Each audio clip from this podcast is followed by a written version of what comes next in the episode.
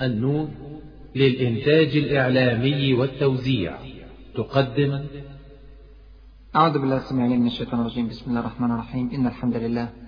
نحمده ونستعينه ونستغفره ونستهديه ونعوذ بالله من شرور أنفسنا ومن سيئات أعمالنا إنه من يهده الله فلا مضل له ومن يضلل فلا هادي له وأشهد أن لا إله إلا الله وحده لا شريك له وأشهد أن محمدا عبده ورسوله أما بعد فمع الدرس الثاني من دروس العهد آه، المدني في السيرة النبوية وتحدثنا في الدرس السابق عن هجرة رسول الله صلى الله عليه وسلم إلى المدينة المنورة وكيف أسس فيها أمة من لا شيء تقريبا دولة المدينة المنورة كانت قبل رسول الله صلى الله عليه وسلم لا تمثل إلا قبيلتين صغيرتين في الجزيرة العربية ولا مقارنة مطلقا بينها وبين الدول الكبرى الموجودة في العالم والموازين العالمية الضخمة ومع ذلك فرسول الله صلى الله عليه وسلم أسس دولة قوية وقفت ليس فقط على قدم المساواة مع القوى العالمية الموجودة في ذلك الزمن ولكنها تفوقت عليها كما سنتبين إن شاء الله في الدروس والحلقات القادمة هذه الخطوات التي سار عليها صلى الله عليه وسلم وأسس بها الدولة الإسلامية لابد أن تدرس بعناية إخواني وأخواتي في الله كما ذكرنا في الدرس السابق ذكرنا من هذه الخطوات في الدرس السابق الإيمان الجازم برب العالمين سبحانه وتعالى بقدرته وحكمته وعلمه سبحانه وتعالى وأحاطته بكل شيء ونصرته للمسلمين وتأييده لإقامة هذه الأمة إن ارتبط المسلمون به هذا أمر في منتهى الأهمية وأساس آه، رئيس من الأسس التي تبنى عليها الأمة الإسلامية الأساس الثاني في غاية الأهمية هو الإيمان الجازم بأن ما أتى به رسول الله صلى الله عليه وسلم أتى به لكونه رسولا من عند رب العالمين سبحانه وتعالى فكل ما قاله وكل ما شرعه صلى الله عليه وسلم يقع منا موقع القرآن الكريم فيصبح المصدر التشريعي للإسلام عندنا القرآن الكريم والسنة المطهرة الأمر الثالث في غاية الأهمية الأصل الثالث هو الإيمان الجازم بالبعث يوم القيامة وبالحساب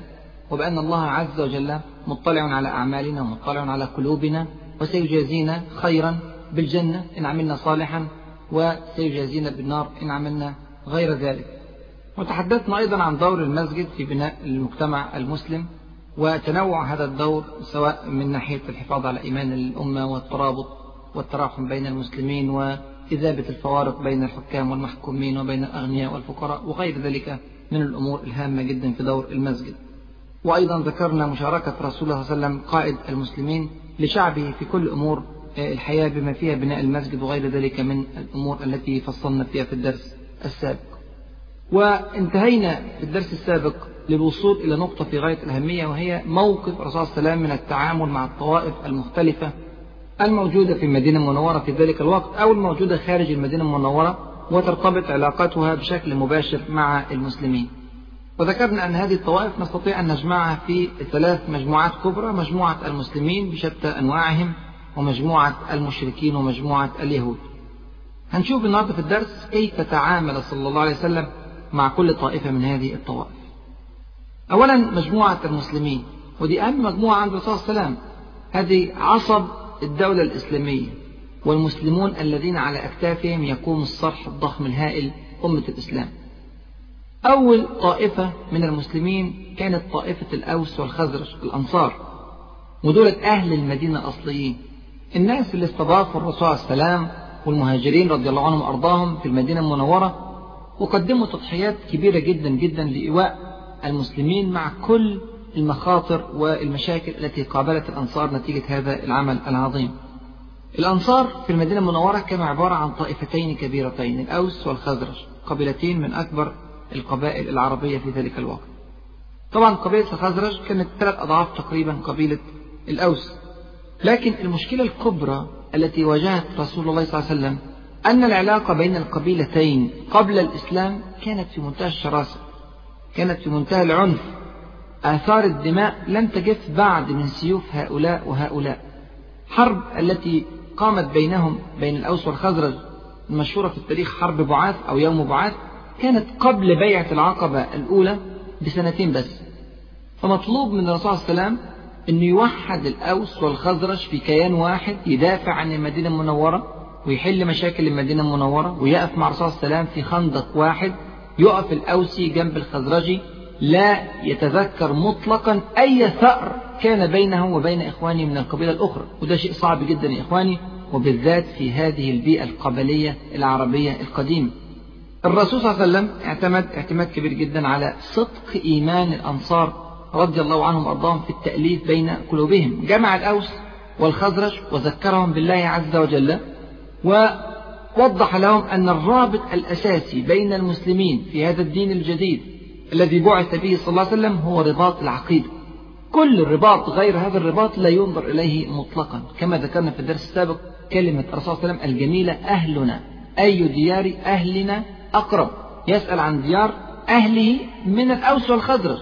إذا كان الرسول صلى الله عليه وسلم اللي من قريش صلى الله عليه وسلم بعيد جدا جدا عن فرع الأوس والخزرج أنتم عارفين قريش عدنانيين والأوس والخزرج قحطانيين ودول فرعين كبار جدا جدا من العرب بعاد عن بعض إذا كان الرسول صلى الله عليه وسلم وهو من قريش يعتبر أن الأوس والخزرج أهله ما بالك في الأوس والخزرج اللي هم أصلا من فرع واحد اسمه بني قيلة من القحطانيين فالرسول صلى الله عليه وسلم ضرب على هذا الوتر الحساس ولصدق إيمان الأوس والخزرج فقد تقاربت القلوب سبحان الله إسلامي إخواني يغير تماما تماما من تكوين الإنسان يغير تماما من كل الدوافع التي كانت تحركه قبل ذلك يرتفع بها إلى قوانين السماء يترك تماما قوانين الأرض الوضعية المادية الدنيا لينتقل بعد ذلك إلى قانون السماء الرفيع نسي الاوس والخزرج تماما كل الثارات القديمة وتوحدوا معا مع رسول الله صلى الله عليه وسلم في خندق واحد يبقى دي كانت أول خطوة عملها الرسول صلى الله عليه وسلم حتى قبل خطوة المؤاخاة بين المهاجرين والأنصار الناس تعرف قصة المؤاخاة لكن ما تعرفش أن الرسول صلى الله عليه وسلم قعد قعدة هامة جدا جدا مع الأوس والخزرج ليضع الأساس المتين لبناء الأمة الإسلامية قبل أن يؤاخي بينهم وبين المهاجرين يجي بعد كده حاجة تانية مهمة جدا وهي قصة المهاجرين يبقى أول طائفة تعامل مع صلى الله عليه وسلم هي طائفة الأوس والخزرج وحد بينهم على أساس الدين تيجي الطائفة الثانية هي طائفة المهاجرين من مكة إلى المدينة هؤلاء وضعهم الاقتصادي أصبح في منتهى الخطورة تركوا معظم أموالهم أو أموالهم كلها تركوا الديار تركوا الأهل تركوا العشيرة تركوا الذكريات تركوا كل شيء وانتقلوا إلى بلد جديد تماما كتير جدا جدا من الذين هاجروا لم يزوروا المدينة المنورة قبل ذلك مطلقا أول مرة يخرجوا من مكة إلى المدينة وتخيل واحد كل حياته ساب أعماله ساب تجارته ساب كل حياته وانتقل إلى حياة جديدة وليس معه شيء وأرض جديدة ليست بالنسبة له مألوفة وفرع من القبائل لا يمت له بصلة قريبة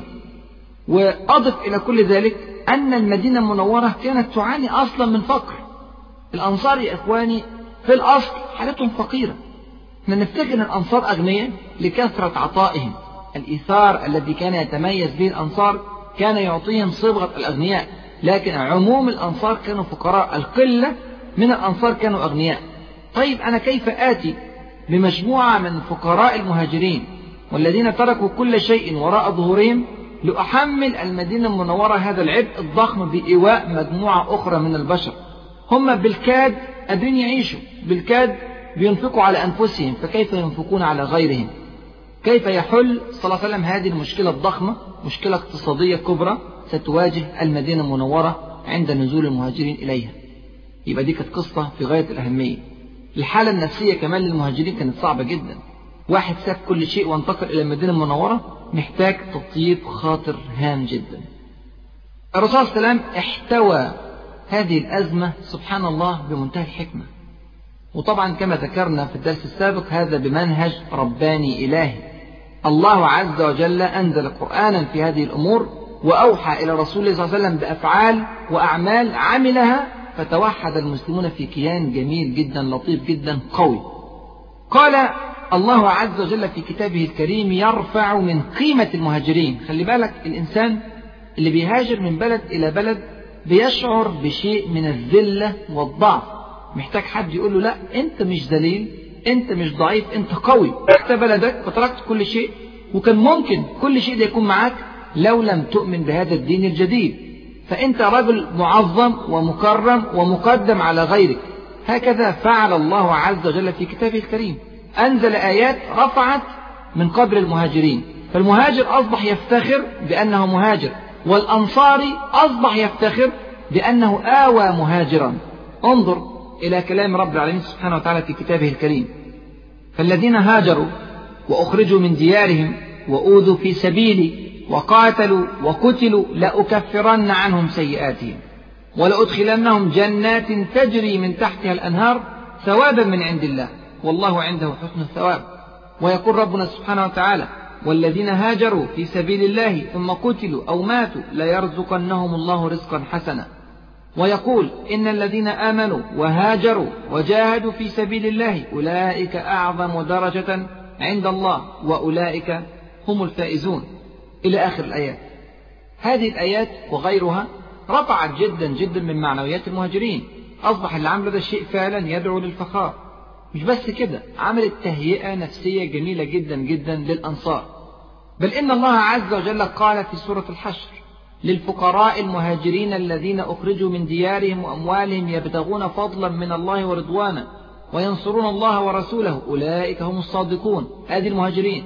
ثم يقول والذين تبوأوا الدار والإيمان من قبلهم يحبون من هاجر إليهم ولا يجدون في صدورهم حاجة مما أوتوا ويؤثرون على أنفسهم ولو كان بهم خصاصة فقر ولو كان بهم خصاصة ومن يوق شح نفسه فأولئك هم المفلحون إذا تسابق المهاجرون للهجرة وتسابق الأنصار للنصرة رضي الله عنهم أجمعين هذا الأمر يا إخواني ليس موجودا إلا في المنهج الإسلامي وشوفوا حال اللاجئين في بقاع العالم المختلفة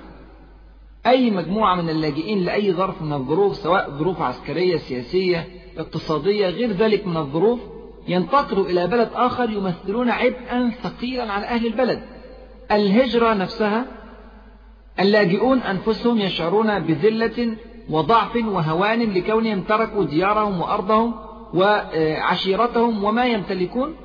والدولة المضيفة تشعر بعبء اقتصادي ثقيل جدا وعبء سياسي وعبء الضغوط عليها من هنا وهناك هذا الأمر لأنهم ليسوا مرتبطين برب العالمين سبحانه وتعالى والأمر في النهاية يعود إلى الإيمان الأصل اللي اتكلمنا عليه في الدرس اللي فات ومن أهم أصول بناء الأمة الإسلامية بل هو أهمها على الإطلاق انظر إلى كلام رب العالمين في سورة الأنفال والذين آمنوا وهاجروا وجاهدوا في سبيل الله أدي المهاجرين ثم يقول والذين آووا ونصروا أولئك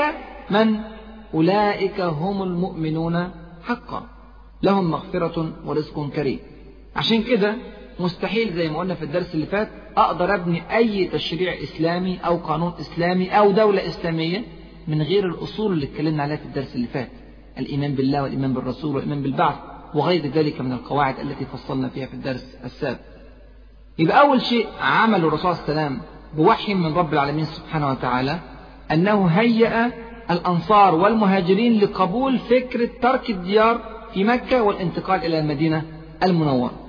وده شيء صعب لكن بفضل الله كانت قوة إيمان المهاجرين والأنصار كفيلة بأن تطبق هذا المعنى كما أراده رب العالمين سبحانه وتعالى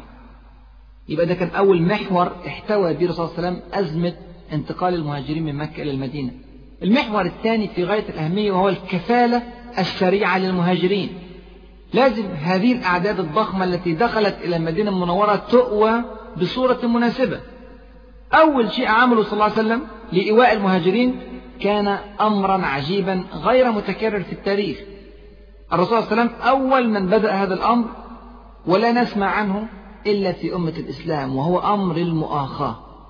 المؤاخاة بين المهاجرين والأنصار والفكرة سبحان الله عجيبة الرسول صلى الله عليه وسلم جمع المهاجرين والأنصار في بيت أحد الأنصار وبدأ يؤاخي بين كل مهاجري وآخر أنصاري كل مهاجري وآخر أنصاري هكذا جعل الأخوة في كل شيء في كل شيء حتى وصل الأمر إلى الميراث يعني لو مات مهاجري يرثه الأنصاري والعكس صحيح هكذا وطبعا بعد كده نسخ هذا الحكم وأصبحت الأخوة في كل شيء إلا الميراث لكن في أول الأمر كانت مؤاخاة حقيقية تماما يا إخواني وأخواتي والأمر ده كان ليه تطبيقات عملية كثيرة جدا جدا بعد ذلك في حياتهم ومن أشهر الأمور والقصص التي تروى في ذلك الأمر ما حدث بين سعد بن الربيع رضي الله عنه وأرضاه وهو أحد كبار الأنصار رضي الله عنه ومن شهداء أحد كما سنتبين إن شاء الله في الدروس القادمة وبين عبد الرحمن بن عوف رضي الله عنه وأرضاه المهاجرين عبد الرحمن بن عوف كان تاجرا في مكة ترك كل شيء وأتى المدينة المنورة بلا شيء ويروي البخاري رحمه الله عن أنس بن مالك رضي الله عنه وأرضاه أن سعد بن الربيع رضي الله عنه قال لعبد الرحمن بن عوف وأنا ليه بأكد على سند هذه الرواية لأنها فعلا عجيبة جدا وغريبة جدا لكن الرواية صحيحة وفي البخاري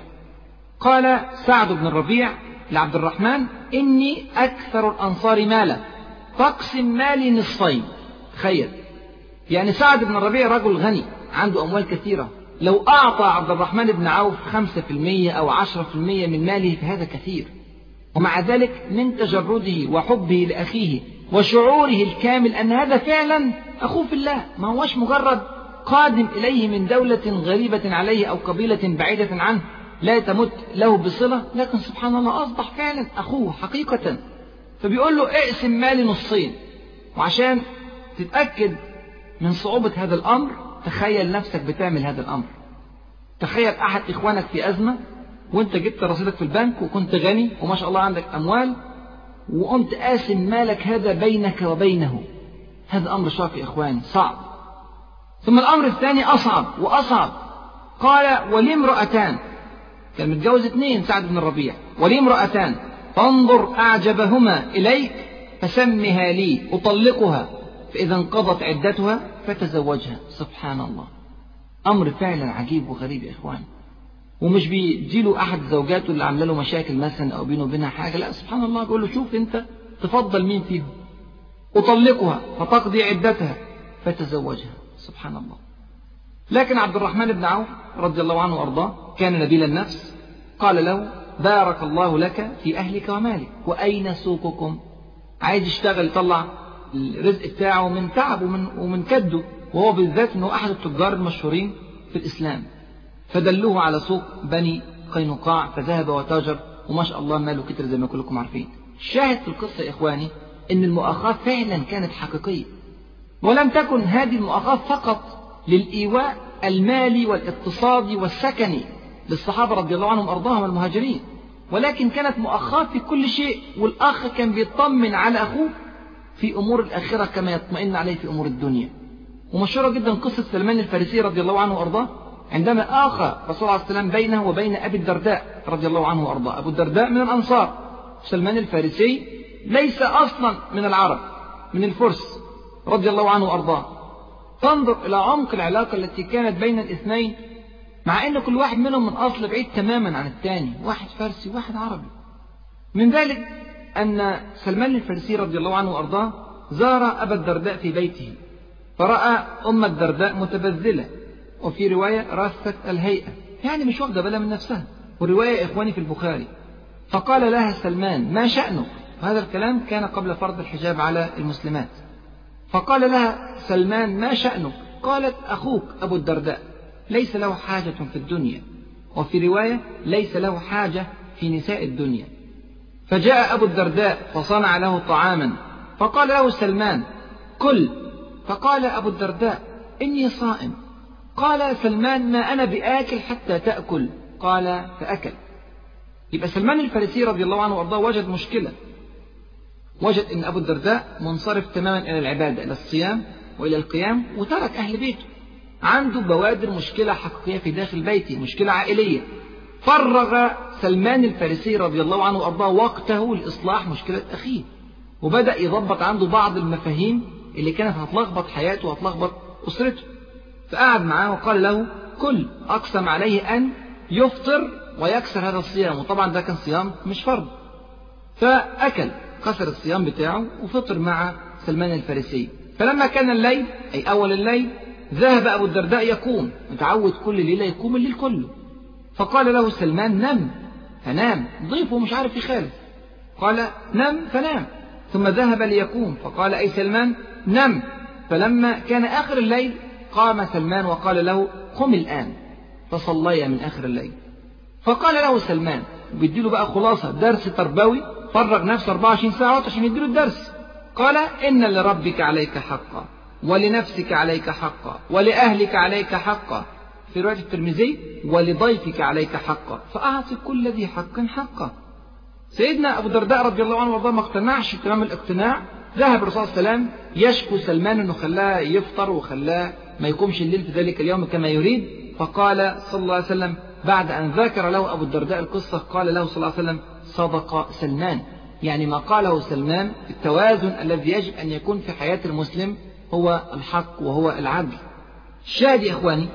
أن سلمان الفارسي رضي الله عنه وأرضاه وهو فارسي كان أخا لأبي الدرداء وهو عربي أنصاري الشاهد أن سلمان الفارسي رضي الله عنه وأرضاه كان يدخل بيت أبي الدرداء ويخاطب زوجته في حدود الإسلام ويحل المشاكل التي بينها وبين أبي الدرداء رضي الله عنه وأرضاه الشاهد أن أبو الدرداء رضي الله عنه وأرضاه لم يتكلف شيئا ولكن أتى من طعام البيت وأكل معه سلمان ونام معه في نفس البيت الشاهد أن أبو الدرداء رضي الله عنه وأرضاه لان في يد أخيه سلمان مع أنه غير مقتنع بما يقول لأنه ضيفه في بيته كل هذه أمور تثبت أن الأخوة التي كانت بين الاثنين كانت أخوة حقيقية مش مجرد كلام مكتوب على ورق يا إخواني فعلا كل واحد كان أخ للتاني ويا ريت والله نجرب هذه الأمور يا ريت نعمل مؤاخاة بينا وبين بعض يا ريت نعيش حياة الأخوة الحقيقية كما كان يفقهها الصحابة الذين بنيت على أكتافهم الأمة الإسلامية صدقوني يا إخواني والله بغير هذه الأخوة لا تقوم أمة أبدا يبقى أول شيء الرسول صلى الله عليه وسلم عمله في قضية احتواء أزمة المهاجرين أنه عظم من أجر المهاجرين وعمل تهيئة نفسية للمهاجر وفي نفس الوقت تهيئة نفسية للأنصاري عشان يتقبل أمر الهجرة وأمر النصرة الحاجة الثانية عمل المؤاخاة الكفالة السريعة للمهاجرين بحيث كل أنصاري يكفل مهاجريا فتتحل الأزمة بسرعة وفي نفس الوقت أعطى كم هائل صلى الله عليه وسلم من الأحاديث التي تحمس على الأخوة وترفع من أجل الأخوة في الله قال صلى الله عليه وسلم لا يؤمن أحدكم حتى يحب لأخيه ما يحب لنفسه شايف ازاي ربط الموضوع بالإيمان الأصل الأول اللي اتكلمنا عليه الإيمان بالله عز وجل هذا الحديث يا إخواني وأخواتي في البخاري بل إنه قال في رواية مسلم عن أبي هريرة لا تدخلوا الجنة حتى تؤمنوا ولا تؤمنوا حتى تحابوا أولا أدلكم على شيء إذا فعلتموه تحاببتم أفشوا السلام بينكم وعلى هذا النسق أحاديث كثيرة جدا جدا ترفع من درجة الأخوة في الله ولذلك كان الذي يدفع والذي يدفع له كان المهاجري والأنصاري كانت الطائفتان تفعلان ذلك الأمر وهما يرجوان من الله عز وجل أجرا وثوابا على الأخوة في الله فرفعوا جدا جدا جدا من قيمة الأخوة في قلوبهم وبالتالي كان لها أثر فعال حقيقي واقعي في حياتهم لكن يا إخواني وأخواتي المؤاخاة التي فعلها صلى الله عليه وسلم ورفع قيمة الأخوة وتقريب الأمور للمسلمين بأن هناك أجر وثواب وجنة نتيجة هذه الأعمال العظيمة التي يقومون بها رأى صلى الله عليه وسلم أن هذا ليس كافيا لتثبيت دعائم الأخوة في الدولة الإسلامية احنا بنعمل دولة إسلامية حقيقية دولة ستواجه تحديات خطيرة لا يستقيم أبدا أن يترك الأمر فيها للنفس أنا عايز أو مش عايز أنا أحب أو ما أحبش لا لابد من وضع قوانين ودساتير مكتوبة فوضع صلى الله عليه وسلم ما يعرف بالميثاق الدستور قانون كتب هذا القانون قانون مشهور جدا وموجود في أكثر من رواية من روايات السيرة الموثقة وفيه توضيح كامل للعلاقة بين المهاجرين والأنصار وأصبح زي القانون أو الدستور الذي يطبق في أي بلد من بلاد العالم ملزم لجميع الأطراف فما هو هذا الميثاق الذي وضعه صلى الله عليه وسلم الميثاق هذا فيه بنود كثيرة جدا نمر على بعضها بإيجاز لذكر وقت أولا أنهم أمة واحدة من دون الناس إذابة كل الفوارق بين عموم المسلمين المهاجرون والأنصار أمة واحدة النقطة الثانية طبعا النقطة الأولانية دي مفهومة احنا اتكلمنا فيها أكثر من مرة النقطة الثانية مهمة جدا وخلي بالك منها يقول صلى الله عليه وسلم المهاجرون من قريش يتعاقلون بينهم يتعاقلون بينهم أي يدفعون الدية بمعنى أن لو في واحد من المهاجرين قتل أحد الناس وكانت له الدية يجتمع المهاجرون ليدفعوا دية القتيل لأهل القتيل طبعا وهم يفدون عانيهم كذلك في الميثاق يقول وهم يفدون عانيهم بالمعروف والقسط بين المؤمنين يعني لو واحد اتأثر من المهاجرين يجتمع المهاجرون سويا ليدفعوا فدية هذا الذي أسر ليفك أسره وكل قبيلة من الأنصار يتعاقلون معاقلهم الأولى وكل طائفة منهم تفدي عانيها بالمعروف والقسط بين المؤمنين يعني إيه الكلام ده يعني الرسول صلى الله عليه وسلم قسم أهل المدينة المنورة دلوقتي المجتمع المسلم الشعب المسلم إلى عدة طوائف على أساس القبيلة المهاجرون جايين مع بعض كلهم من قريش هذه المجموعة تجتمع سويا لتفدي عانيها وتدفع الدية عن القاتل منها وكذلك كل قبيلة من الأنصار الأوس لوحديهم والخزرج لوحديهم وممكن يقسم الأوس إلى أكثر من فرع والخزرج إلى أكثر من فرع قال على معاقلهم الأولى زي ما كانوا بيعملوا قبل دخول الإسلام إلى المدينة المنورة الكلام ده ليه يا إخواني المؤاخاة وحدها لا تستطيع دفع الديات وفك العاني خلي بالك مفيش بيت مال للمسلمين دلوقتي الدولة فقيرة جدا مفيش فيها ثروات فلازم المسلمين يخلصوا أمورهم بنفسهم المؤاخاة وحدها ما تقدرش أنا مؤاخي الأنصاري مؤاخي واحد من المهاجرين لو حصل وعليه دية 100 ناقة مش هيقدر يدفعها له فلا بد أن يجتمع قوم على دفعها طب يجمع مين فجمع على أساس القبيلة مع أن الإسلام سبحان الله يكره القبلية ولكن يرسخها في إطار الإسلام في أمور معينة في داخل الإسلام يعني لا ينبذها بالكلية ولكن يطور هذه الرابطة لتخدم الإسلام والمسلمين في إطار الشرع فجعلها في أمور المؤاخاة في أمور المواساة في أمور التعاون على البر والتقوى بين المسلمين فك الأسير دفع دية القاتل الأهل القتيل المساعدة في أمور المجتمع المختلفة لروابط الرحم التي بين القبيل فكل واحد يكون حريص ان هو يخلص مشكلة اخوانه وجعل ذلك قانونا يكتب يعني الكلام دوت كتبه في الميثاق فأصبح فرض على كل قبيلة من القبائل إن لو وقع أحد أفرادها في مشكلة إن بقية أفراد القبيلة يساعدوه ما عادش تفضل من أحد أفراد القبيلة على الآخر لا ده قانون الدولة اللي ماشية بيه وهذا القانون يا إخواني لا يستقيم أبدا أن يطبق إلا إذا رسخت معاني الأخوة التي تحدثنا عنها قبل ذلك لذلك التشريع الإسلامي كله ما نقدرش ناخد منه جزء ونسيب جزء ادخلوا في السلمي كافة كل جزئية بتكمل موضوع معين بتكمل نقطة معينة وفي النهاية الشرع المتكامل هذا يصلح لإدارة الدنيا وإدارة الدين يبقى الرسول عليه السلام أقر مبدأ القبلية ولكن في هذه الجزئية ومبدأ القبلية مقبول في الفقه الإسلامي ولكن في إطار الشرع كما ذكرنا يعني مثلا إذا اعتدي على حرمات دولة من دول الإسلام والمسلمين الشرع يفرض على أهل الدولة في داخل الخلافة الإسلامية الكبرى أن يقاتلوا في سبيل الله للدفاع عن أنفسهم إن لم يستطع أهل القطر الواحد أن يدفعوا عن أنفسهم احتاجوا إلى غيرهم فيجي بقى الأقرب فالأقرب يساعدهم بعد ذلك لكن لا يفرض القتال على أهل المغرب إذا احتلت بلدة من بلاد المشرق إن كان أهل المشرق يستطيعون فك الأزمة التي هم فيها فده الوضع بيقبله الإسلام ويقبله في أمور أخرى زي الزكاة مثلا لا تخرج الزكاة من البلد إلى البلد الآخر القطر الواحد لا تخرج منه الزكاة إلى قطر آخر حتى تكفي أهل القطر وهكذا بالضبط زي ما كان الإسلام بيعمل أيام القبلية دلوقتي بيعمل مع الدول ومنهج سبحان الله واحد يكفي الأرض إلى يوم القيامة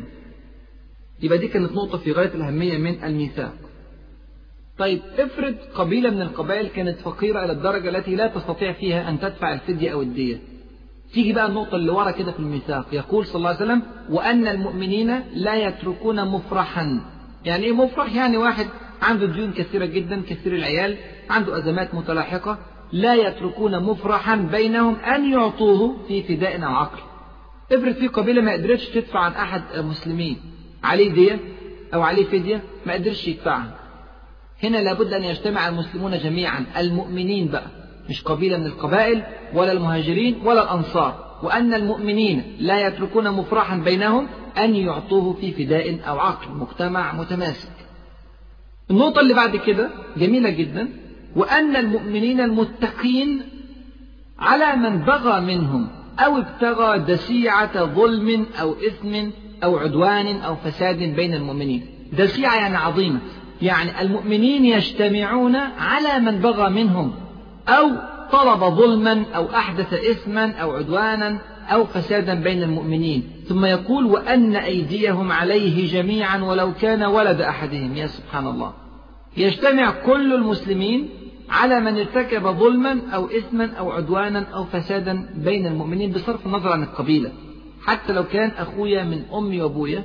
إذا ارتكب الظلم أو الإثم أو العدوان فأنا عليه مش معاه في ظلمه وعدوانه وده قانون برضه مكتوب ويطبق في الدولة الإسلامية ولا يقتل مؤمن مؤمنا في كافر دي برضه نقطة من نقط الميثاق اللي في غاية الخطورة والأهمية يقول ولا يقتل مؤمن مؤمنا في كافر ولا ينصر كافرا على مؤمن خلي بالك الدولة الإسلامية دلوقتي ستدخل في صراعات شتى مع قبائل كثيرة جدا من القبائل المشركة سواء في داخل المدينة المنورة أو في قريش أو في الجزيرة العربية بصفة عامة إذا واحد من هذه القبائل دخل في الإسلام وأخوه ما دخلش في الإسلام ودارت حرب بين الدولة المسلمة والقبيلة الكافرة وقتل بعض أفراد القبيلة الكافرة ماذا سيكون الوضع؟ قد تتحرك في نفس الأخ المسلم عواطف الأخوة والنسب والدم لأخيه الكافر الذي قتل فينتقم من أخيه المسلم الذي قتله لذلك يأتي هذا القانون في غاية الأهمية قبل أن يفرض القتال على المسلمين قال صلى الله عليه وسلم في الميثاق ولا يقتل مؤمن مؤمنا في كافر هيحصل أن بعض المؤمنين يقتلوا الكفار في المعارك التي ستدور بعد ذلك في المدينة المنورة ما حولها طب إيه الوضع ساعتها؟ ساعتها التشريع بيقول لا يقتل مؤمن مؤمنا في كافر وطبعا مفهوم من سياق الكلام ان مش المؤمن هيروح يقتل اي كافر بدون اي وجه حق أو, أو إثم أو ظلم ولكن المقصود في داخل الحروب الإسلامية التي ستكون بعد ذلك لا يقتل مؤمن مؤمنا في كافر في طبعا ذنوب تانية في الميثاق كثيرة ولكن الوقت لا يتسع لكن يهمني جدا جدا أن أذكر البند الأخير في هذا الميثاق العظيم قال صلى الله عليه وسلم وأنكم مهما اختلفتم فيه من شيء فإن مرده إلى الله عز وجل وإلى محمد صلى الله عليه وسلم التشريع الإسلامي الكتاب والسنة المصدر الرئيسي للتشريع الإسلامي في الدولة الإسلامية الكتاب والسنة يبقى ده كان الميثاق الذي وضعه صلى الله عليه وسلم لتنظيم العلاقة بين المهاجرين والأنصار يبقى لاحتواء أزمة المهاجرين ودخول هذا الكم الكبير من المهاجرين إلى المدينة المنورة الرسول صلى الله عليه وسلم عمل خطوات منظمة كما رأينا أول شيء تعظيم أجر المهاجرين تهيئة نفسية للمهاجرين والأنصار كفالة سريعة للمهاجرين عن طريق المؤاخاة رفع قيمة الأخوة الميثاق الدستور القانون الذي وضعه لينظم العلاقة بين المهاجرين والأنصار ثم الكفالة طويلة المدى للمهاجرين يعني إيه الكفالة طويلة المدى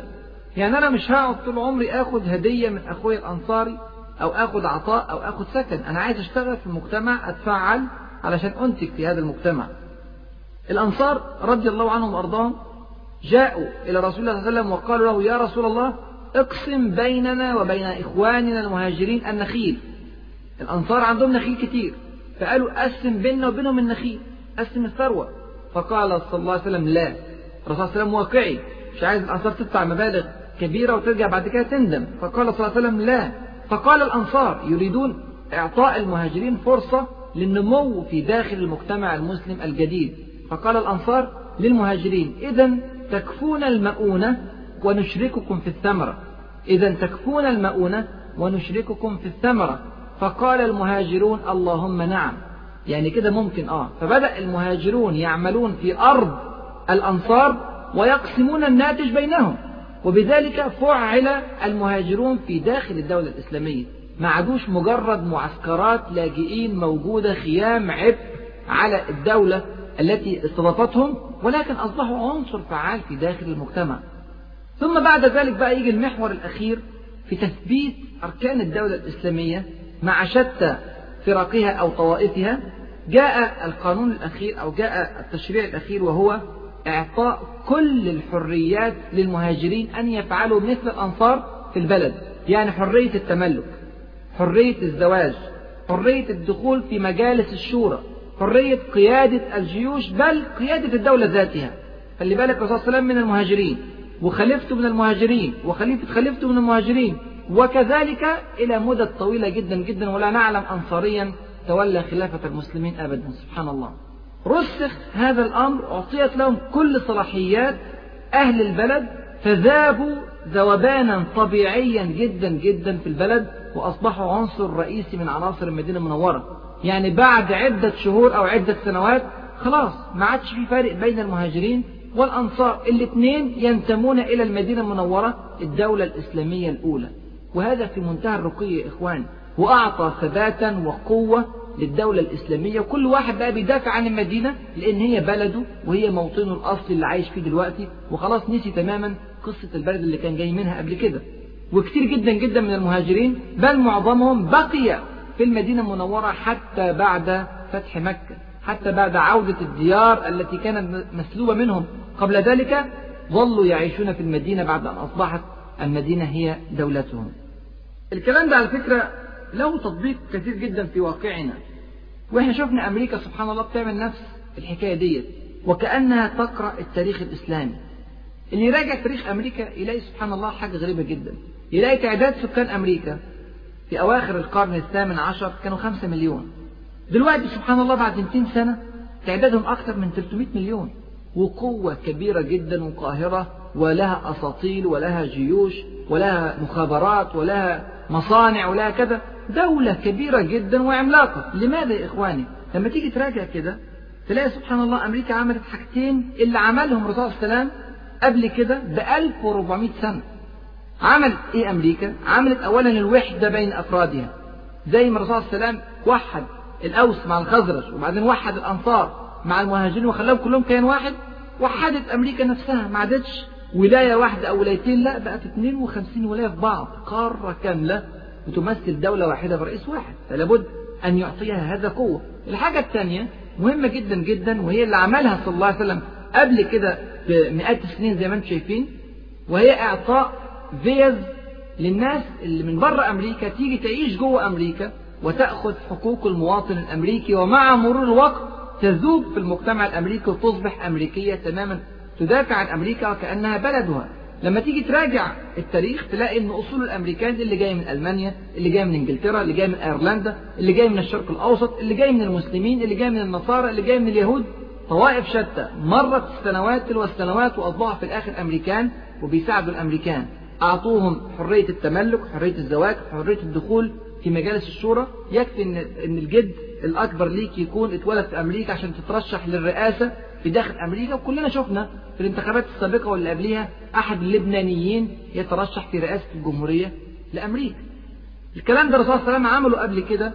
بمئات السنين ولكن عمله برقي عظيم جدا جدا صلى الله عليه وسلم ما جعلش بس الدافع لهذا التمازج الجميل جدا جدا والاختلاط الرائع بين الطوائف المختلفة في الدولة الإسلامية ما جعلش هذا فقط أمرا من أمور الدنيا بل أعطى عليه كما علمه ربه سبحانه وتعالى وعلمنا أعطاه الحسنات الكثيرة والأجر العظيم والجنة الواسعة في الآخرة بالإضافة إلى سعادة الدنيا مفيش ظلم في إقامة الدولة الإسلامية مفيش إبادة مفيش فساد للتشريع قائم على شرع رب العالمين سبحانه وتعالى يبقى ربنا سبحانه وتعالى لما حط لنا هذا التشريع أراد به سعادة الدنيا وسعادة الآخرة بينما التشريعات الأخرى في المناهج الأخرى قد تحقق نوعا من السعادة في الدنيا ولكنها سعادة منقوصة لا شك في ذلك وفيها أنواع كثيرة جدا من التعدي والظلم والفساد كما ذكرنا وليس لها شيء في الآخرة وده بقى المثال الراقي جدا جدا للإسلام اللي بيقول لك إزاي ممكن الشرع ينعمك في الدنيا وبرضه ينعمك في الآخرة يبقى ده كان كفالة المهاجرين كفالة بقى طبيعية ودوبانهم داخل المجتمع المدني ولمدد بقى إيه لا يعلم عددها إلا رب العالمين سبحانه وتعالى بكده حلت أزمة المهاجرين في داخل المدينة المنورة بالعكس انقلبوا من كونهم أزمة إلى كونهم قوة للدولة الإسلامية يبقى شفنا الرسول صلى الله عليه وسلم عمل إيه مع الأوس والخزرج وشفنا الرسول صلى الله عليه وسلم عمل إيه مع المهاجرين وعلاقتهم بالأنصار نشوف الرسول صلى الله عليه وسلم عمل إيه مع المهاجرين في الحبشة الحبشة فيها أكثر من 80 واحد وهم عند ملك لا يظلم عنده أحد لكن البلد غير مؤهلة لإقامة دولة إسلامية وذكرنا تفصيلات ذلك عند الحديث عن دروس الفترة المكية من السيرة النبوية الرسول صلى الله عليه وسلم أول ما انتقل إلى المدينة وشعر بشيء من الاستقرار أرسل يستدعي بعض المهاجرين في الحبشة وليس كل المهاجرين في الحبشة بعض المهاجرين ليساعدوه في إقامة الصرح الضخم الهائل الذي سيقيمه في المدينة المنورة الدولة الإسلامية محتاجين طاقات كتيرة لكن في نفس الوقت ما اندفعش اندفاع عاطفي وجاب كل المهاجرين اللي في الحبشة علشان يساعد المسلمين ويضيع على المسلمين فرصة بقاء بعض المسلمين بعيد عن الخطر عشان لو حصل استئصال للقاعدة الإسلامية اللي موجودة في المدينة ده وارد جدا لأن قريش لن تسكت واليهود لن يسكتوا والمشركون في الأوس والخزرج لن يسكتوا والقبائل حول المدينة لن تسكت وفارس والروم لن تسكت كل هذه مخاطر ضخمة جدا حول الأمة الإسلامية فأبقى صلى الله عليه وسلم عددا لا بأس به من المهاجرين في الحبشة إلى أن تستقر أوضاع تماما ويطمئن إلى أن دولة الإسلام لا تستأصل فخلى فيهم مجموعة ما جوش هذه المجموعة إلا بعد صلح الحديبية بعد ست سنوات كاملة في المدينة المنورة واطمئنان الرسول صلى الله عليه وسلم إلى أن المدينة المنورة أصبحت دولة لا تستأصل ساعتها جاب كل المهاجرين اللي موجودين في الحبشة المسلمون في القبائل البعيدة اللي بعيدة عن المدينة المنورة منهم اللي في اليمن منهم اللي في غفار منهم اللي في أسلم منهم اللي في مناطق مختلفة من الجزيرة العربية أبقاهم صلى الله عليه وسلم في أماكنهم قال لهم ما تهاجروش معانا إلى المدينة المنورة طب ليه يا إخوان كل واحد من دولت كان نقطة مضيئة في مكانه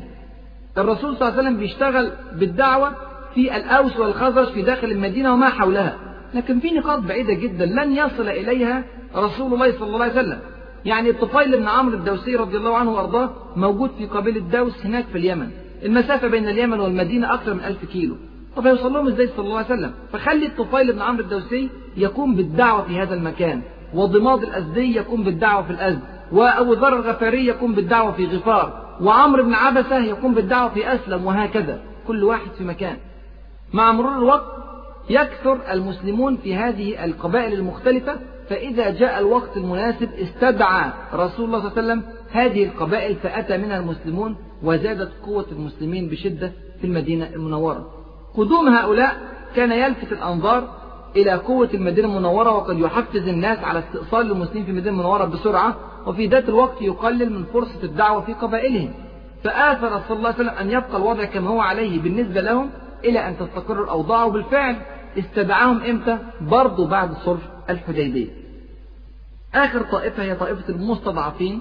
في مكة المسلمون المستضعفون في مكة ما قدروش يهاجروا هؤلاء ليس لهم حيلة الرسول صلى الله عليه وسلم أمرهم بالكتمان قدر المستطاع لا يخرجون سرهم لا يعلنون إسلامهم حتى لا يستأصلوا إلى أن يأتي الله عز وجل بأمره لم تحل مشكلة هؤلاء إلا بعد فتح مكة وظلوا في مرحلة السرية طول الثمان سنوات الأولى من عمر العهد المدني يبقى ده كان تصرف الرسول صلى الله عليه وسلم مع الطوائف المختلفة من المجتمع المسلم وزي ما انتم شايفين تصرف في منتهى الحكمة ويتغير باختلاف الظرف الذي يعيش فيه المسلم دي أول مجموعة مجموعة المسلمين تيجي مجموعة تانية خطيرة جدا تعامل مع رسول الله صلى الله عليه وسلم أيضا في فترة بناء الدولة الإسلامية في أولها واستمر التعامل مع هذه الطائفة إلى قبيل موت رسول الله صلى الله عليه وسلم هذه هي مجموعة المشركين وزي ما قلنا قبل كده المشركون كانوا من طوائف شتى هناك المشركون من أهل المدينة الأوس والخزرج ودولة الحقيقة كانت في غاية الأهمية بالنسبة لرسول الله صلى الله عليه وسلم استراتيجية العمل مع المشركين في داخل الدولة في الحالة السلمية كانت إيصال الدعوة والجوار بالتي هي أحسن تجنب الصدام قدر المستطاع بل التعاون في القضايا المشتركة تعالوا نشوف أصلا موقف المشركين في المدينة من الرسول صلى الله عليه وسلم شكله إيه وإزاي الرسول صلى الله عليه وسلم يتعامل مع كل واحد منهم بعض المشركين لما دخل الرسول صلى الله عليه وسلم المدينة المنورة قرروا هم الخروج منها هذا قليل منهم أبو عامر الفاسد اللي كان معروف بأبي عامر الراهب الراجل ده أول ما دخل الرسول صلى الله عليه وسلم المدينة قرر يخرج منها دار بينه وبين الرسول صلى الله عليه وسلم حوار أوضح فيه ما في داخله وقرر الخروج من المدينة هذا الرجل كان اسمه أبو عامر عبد عمرو بن صيفي الأوسي وهو على فكرة أبو حنظلة غسيل الملائكة اللي استشهد في أحد هذا الرجل كان يدعي أنه راهب وعلى دين الحنيفية ولبس المسوح وادعى هذا العلم أيام الجاهلية لما ذهب الرسول صلى الله عليه وسلم إلى المدينة المنورة الرسول صلى الله عليه وسلم أيضا يدعو إلى الحنيفية فلما ذهب إلى هناك ذهب إليه أبو عامر الراهب وبدأ يحاوره قال أبو عامر ما هذا الدين الذي جئت به قال صلى الله عليه وسلم جئت بالحنيفية دين إبراهيم قال الراهب فأنا عليها فقال صلى الله عليه وسلم إنك لست عليها يعني في تحريف كبير جدا جدا في الديانة التي أنت عليها الآن قال أبو عامر الراهب بلى عليها إنك أدخلت يا محمد في الحنيفية ما ليس منها فقال صلى الله عليه وسلم بهدوء أعصاب ما فعلت ولكني جئت بها بيضاء نقية قال الراهب الكاذب أماته الله طريدا غريبا وحيدا طبعا يعرض برسول الله صلى الله عليه وسلم يعني يتهم الرسول صلى الله عليه وسلم بالكذب وأن الله عز وجل سيميته طريدا غريبا وحيدا فقال صلى الله عليه وسلم أجل فمن كذب فعل الله تعالى به ذلك يعني فعلا الكذاب ربنا هيموته طريد وغريب ووحيد فكان أبو عامر الراهب كذلك سبحان الله أول ما دار بينهم الحوار ده وجد التفاعل من الأنصار لرسول الله صلى الله عليه وسلم والتعامل معه كزعيم للمدينة المنورة بعد أن رأى ذلك لم يستطع أن يجلس في المدينة المنورة وخرج منها وعاش في مكة المكرمة وسماه رسول الله صلى الله عليه وسلم بأبي عامر الفاسق بدلا من أبي عامر الراهب عاش أبو عامر الفاسق هذا في مكة المكرمة ثمان سنوات كاملة إلى أن جاء الفتح الإسلامي لمكة المكرمة في سنة 8 من الهجرة فهرب من مكة واتجه للطائف وسبحان الله بعدها بقليل أسلمت الطائف في سنة 9 من الهجرة فهرب من الطائف وعاش في الشام وهناك مات طريدا غريبا وحيدا سبحان الله فهو وأمثاله أراحوا واستراحوا الناس اللي خرجت من المدينة المنورة وهذا قليل يعني بضعة عشر رجلا تركوا المدينة المنورة وهاجروها وهاجروها إلى غيرها من البلدان لكن المجموعة الكبرى من مشركي الأوس والخزرج ماذا فعلوا هذه المجموعة بقيت على شركها بقيت على شركها وتعيش في داخل المدينة المنورة وعلى رأس هؤلاء رجل كان اسمه عبد الله ابن أبي ابن سلول طبعا مشهور هو اللي بعد كده أصبح زعيم المنافقين هذا الرجل كان زعيم الخزرج وكانت له مكانة كبيرة في داخل المدينة المنورة عند أوسها وخزرجها سواء وهو الوحيد الذي اجتمع عليه الأوس والخزرج لكي ينصبوهم ملكا على المدينة وذلك قبل قدوم الرسول صلى الله عليه وسلم وكانوا كما يقولون ينسجون له الخرز يعني بيتوجوه كملك على المدينة المنورة أول اجتماع للمدينة المنورة على رجل واحد قبل رسول الله صلى الله عليه وسلم وفجأة سبحان الله تغيرت الأحداث وظهر أمر الرسول صلى الله عليه وسلم وآمن به ستة من الخزرج من قبيلته ثم 12 بداية العقبة الأولى ثم 73 بداية العقبة الثانية كل هذا لم يعلم به عبد الله بن أبي بن سلول عبد الله بن أبي بن سلول كان رئيس وفد المدينة في الحج في العام الذي بايع فيه الأنصار بيعة العقبة الثانية اللي هو العام الثالث عشر من البعثة النبوية وكان ساعتها مشرك وكان وفد المدينة بيضم جواه 300 واحد من يثرب منهم 75 مسلم و225 مشرك ولأنه كان زعيم الوفد كان يظن أنه يعرف كل شيء عن الوفد ولما شك أهل قريش في إسلام بعض رجال الوفد ولقائهم برسول الله صلى الله عليه وسلم نفى ذلك بشدة وقال لو حدث هذا لاستشارني قومي هذا عظيم القوم وبعدين سبحان الله بعد بيعة العقبة الثانية بشهور قليلة يعني بيعة العقبة الثانية هذه كانت في الحجة من العام الثالث عشر من البعثة في ربيع أول من العام الرابع عشر من البعثة يعني بعد ثلاث شهور أو يزيد قليلا هاجر صلى الله عليه وسلم إلى المدينة المنورة ونصب رئيسا وزعيما على المدينة المنورة فسبحان الله استلم رسول الله صلى الله عليه وسلم ما كان سيستلمه عبد الله بن أبي بن سلول فتحرك الحقد في قلبه لرسول الله صلى الله عليه وسلم على أشد ما يكون وطبعا أنا عايزك تتخيل موقف عبد الله بن أبي بن سلول واحد كان خلاص هيبقى ملك على المدينة لأول مرة في تاريخ المدينة واحد زعيم في قومه ورئيس وشريف وغني وسلطان هذا الإنسان فجأة سبحان الله سحبت منه الإمارة وأعطيت لرجل ليس أصلا من الأوس والخزرج هذا في عرف العرب في وقتها مستحيل مستحيل أن رجل من قبيلة أخرى يرأس قبيلة ثانية ويجتمع عليه الناس هذا أمر غريب جدا جدا عند العرب فعبد الله بن أبي بن سلول رفض هذا الأمر رفضا كليا عشان يقبله لازم يبقى مؤمن صادق الإيمان حقيقة لازم يبقى زي الأنصار اللي اتكلمنا لهم من شوية لكن إنسان عنده ضعف إيمان أو ما عندوش إيمان أصلا مستحيل يقبل بهذه الفكرة لكن وجد أن معظم اللي حواليه يؤيدون الرسول صلى الله عليه وسلم حتى المشركين الذين لم يدخلوا في دين الرسول صلى الله عليه وسلم وقف معظمهم على الحياد فما عادش حد بينصره على الرسول صلى الله عليه وسلم فواقف مش عارف يتصرف ازاي فكان فعلا في حالة من الحقد والضغين للرسول صلى الله عليه وسلم لا يتخيله أحد طب عمل إيه ظل يراقب الأوضاع رفض الدخول في الإسلام وظل على شبكه وعايش جوه المدينة المنورة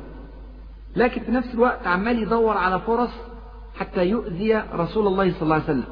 حتى يخرج رسول الله صلى الله عليه وسلم حتى يتعاون مع أعدائه عليه صلى الله عليه وسلم والرسول صلى الله عليه وسلم يقدم الحسنى قدر المستطاع وزي ما قلنا الاستراتيجية بتاعته الدعوة السلمية قدر المستطاع مع مشركي يثرب دول فيهم أمل كبير ممكن يدخلوا الإسلام ويصبحوا أنصار للدعوة الإسلامية فكان بيقدم الحسن على قد ما يقدر ويدعو الناس بقدر المستطاع بالتي هي أحسن من ذلك ما رواه البخاري أن رسول الله صلى الله عليه وسلم ركب على حمار وأردف أسامة بن زيد رضي الله عنهما وراءه وذهب ليعود سعد ابن عبادة رضي الله عنه وارضاه سعد بن عبادة طبعا من سادات الخزرج الكلام ده كان في أول أيام المدينة المنورة قبل بدر وقبل إسلام عبد الله بن أبي بن سلول فمر صلى الله عليه وسلم على مجلس به خلي بالك بقى به أخلاط من المسلمين والمشركين عبدة الأوثان واليهود خلي بالك الدعوة بالتي هي أحسن تقتضي المخالطة المسلمون يخالطون غيرهم ولكن لا يتأثرون بشركهم ولا بآثامهم ولا بمعاصيهم روى البغوي عن عبد الله ابن عمر رضي الله عنهما أن رسول الله صلى الله عليه وسلم قال المؤمن الذي يخالط الناس ويصبر على أذاهم أفضل من المؤمن الذي لا يخالطهم ولا يصبر على أذاهم قال ابن المبارك رحمه الله في تفسير العزلة أن تكون مع القوم فإذا خاضوا في ذكر الله فخذ معهم وإن خاضوا في غير ذلك فاسكت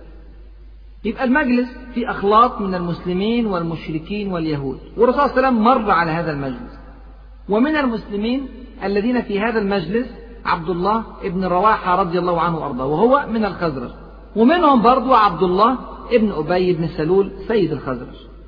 فلما مر حمار رسول الله صلى الله عليه وسلم على القوم غبر يعني التراب بتاعه جعل الناس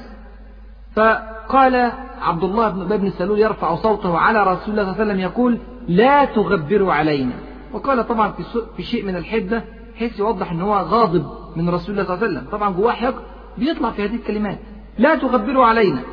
الرسول صلى الله عليه وسلم سبحان الله تجاهل هذه الكلمة لم يعلق عليها نزل من على حماره صلى الله عليه وسلم سلم عليهم ثم وقف ودعاهم إلى الله عز وجل وقرأ عليهم القرآن سبحان الله ما كان يترك رجلا ولا قبيلة ولا مجموعة من الناس إلا وعرفهم بدعوته صلى الله عليه وسلم وقرأ عليهم القرآن فقال عبد الله بن أبي بن سلول وهو يغلي من الغضب قال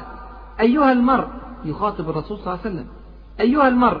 إنه لا أحسن مما تقول إن كان حقا يعني إن كان الكلام بتاعك ده حق وصدق آه ده كلام جميل جدا جدا لكن احنا مش عايزينه فلا تؤذنا به في مجالسنا يعني مش عايزين نسمع الكلام ده هنا دلوقتي وارجع إلى رحلك خليك في بيتك فمن جاءك فاقصص عليه فقال عبد الله بن رواحة عبد الله بن رواحة مسلم قاعد في المجلس وخزرجي يعني سيد قبيلتي هو عبد الله بن أبي بن سلول لكن هنا الرسول صلى الله عليه وسلم أوذي بكلمات فوقف رضي الله عنه وأرضاه يدافع عن رسول الله صلى الله عليه وسلم قال بلى يا رسول الله فاغشنا به في مجالسنا يعني عكس كلام عبد الله بن ابي بن سلول تماما مع ان عبد الله بن رواحه شاب صغير والثاني عظيم القوم لكن هنا لابد ان يدافع عن الرسول صلى الله عليه وسلم حميه الشباب المسلم فاغشنا به في مجالسنا فانا نحب ذلك ساعتها ايه اللي حصل فاستب المسلمون والمشركون واليهود قامت معركة كل فريق بيناصر واحد مجموعة المسلمين مع عبد الله بن رواحة ومجموعة المشركين مع عبد الله بن ابي بن سلول لكن اللطيف في الرواية تقول ايه فاستب المسلمون والمشركون واليهود طب اليهود مالهم مالهمش دعوة بس فرصة لإثارة الفتنة فعملوا مشكلة بين المسلمين والمشركين حتى كادوا يتثاورون يعني كادت أن تكون معركة بينهم وبالسيوف فلم يزل النبي صلى الله عليه وسلم يخفضهم حتى سكنوا يعني خلاص معلش هنمشي مفيش مشكلة هدى الناس ومشي صلى الله عليه وسلم لكن ما سابش الموضوع ذهب إلى سعد بن عباد رضي الله عنه وأرضاه أحد زعماء الخزرج وقال له أرأيت الذي فعل أبو حباب يريد عبد الله بن أبي بن سلول قال كذا وكذا وكذا فقال سعد بن عبادة يا رسول الله شوف بقى إيه مدى الإيضاح للرؤية لرسول الله صلى الله عليه وسلم يعني سعد بن عبادة رجل من أهل المدينة عاش التجربة اللي عاشها عبد الله بن أبي بن سلول شافه ويتوج كملك ثم تسحب منه الإمارة قال يا رسول الله اعف عنه واصفح هو الذي أنزل عليك الكتاب لقد جاء الله بالحق الذي أنزل عليك ولقد اجتمع أهل هذه البحيرة على أن يتوجوه فيعصبوه بالعصابة يعني يخلوه ملك على القوم فلما أبى الله ذلك بالحق الذي أعطاك الله شرق بذلك فذلك الذي فعل به ما رأيت فاعذروا يعني لأنك لسه في المرحلة الأولى من مراحل المدينة المنورة لم يستمع إلى كلمات كثيرة من القرآن الكريم لم يحيا حياة كاملة معك اعذروا هذه الفترة اعف عنه وصه لعل الله عز وجل أن يفتح قلبه بعد ذلك بالإسلام فعفى عنه رسول الله صلى الله عليه وسلم شاهد يا إخواني أن الرسول صلى الله عليه وسلم كان يحاول قدر المستطاع أن يصل بالدعوة بالتي هي أحسن إلى مشركي يثرب إلى مشركي الأوس والخزرج وكان يحاول تجنب الصراع على قدر ما يستطيع معظم المشركين في يثرب لم يكونوا على شاكلة عبد الله بن أبي بن سلول بل بالعكس وقفوا على الحياد